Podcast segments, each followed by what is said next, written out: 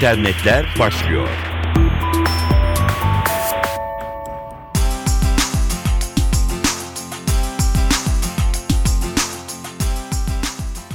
Merhaba, dijital dünyadan öne çıkan gelişmelerle karşınızdayız. Cisco'nun Türkiye'deki Y neslinin internet alışkanlıkları üzerine yaptığı çalışmayla başlayalım. 1980'ler ve 2000'ler arasında doğan kuşak Y nesli olarak tabir ediliyor. Aynı zamanda bilgisayar ve internete kolay uyum sağlayabilen nesil, dijital yerli nesil olarak da anılıyor. Araştırma şirketi Cisco'ya göre bu yaş grubundaki bireylerin %97'si online alışveriş yapıyor. Yine aynı neslin %78'i internetten satın alma kararında her zaman kullanıcı görüşlerine güvendiklerini belirtiyor.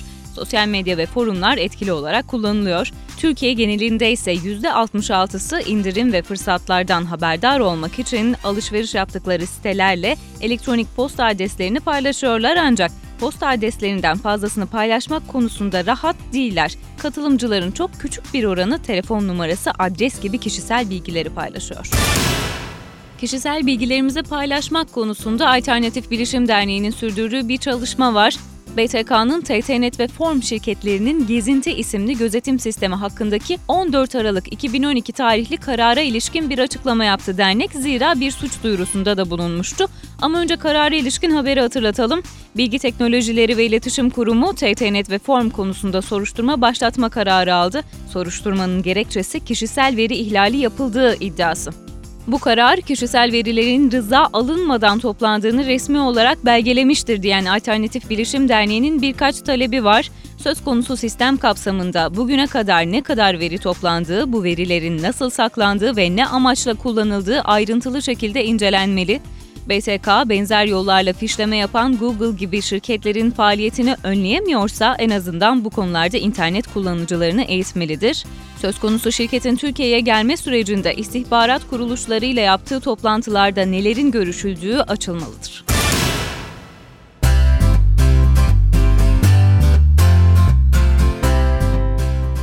Az önce gençlerle ilgili son analizi paylaşmıştık. Bir de çiftlerin durumuna bakalım. İngiltere'de yapılan bir araştırma sosyal medyanın çiftlerin cinsel hayatını ciddi şekilde engellediğini ortaya koydu. Daily Mail gazetesinin haberine göre bundan 10 yıl öncesinin aksine çiftlerin yatakta dahi dizüstü bilgisayarlar ya da tabletleri aracılığıyla Facebook, Twitter'a girmeye devam ettikleri belirtiliyor. Araştırmaya göre tipik yetişkinler bundan 10 yıl öncesinde ortalama 22-30 sularında yatağa gidip uyurken şimdilerde yetişkinlerin %46'sı yaklaşık 90 dakika boyunca online kalarak sosyal medyada vakit geçirmeyi tercih ediyor. Bu grubun %15'i partnerleriyle daha az seks yapıyor. Uykudan önce kimi sosyal medyada zaman geçiriyor, kimi de online televizyon şovlarını izlemeyi tercih ediyor. Alışverişler için fiyat karşılaştırma siteleri de interneti uykuya değişenlerin favorileri arasında sayılıyor.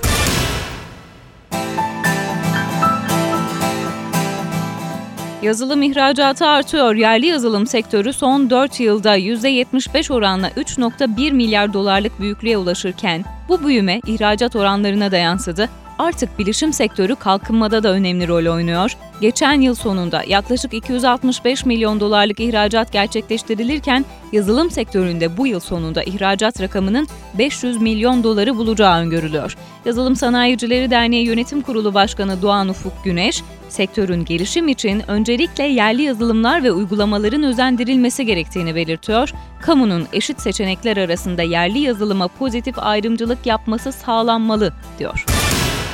Ve son olarak derbi diyelim. Milyonları ekranları başına kilitleyen Galatasaray-Fenerbahçe futbol maçı Twitter'ı da salladı. İşte birkaç istatistik.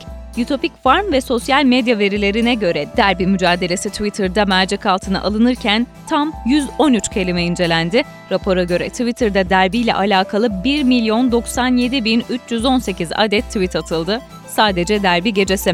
Galatasaray'dan en çok konuşulan futbolcu ikinci golün sahibi Selçuk oldu. Fenerbahçe'de ise kaleci Volkan takımının en çok konuşulan oyuncusu oldu.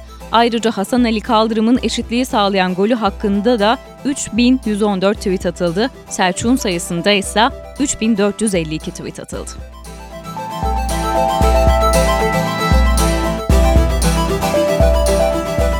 Gelişmelerle güncellendiniz. Tekrar görüşmek üzere.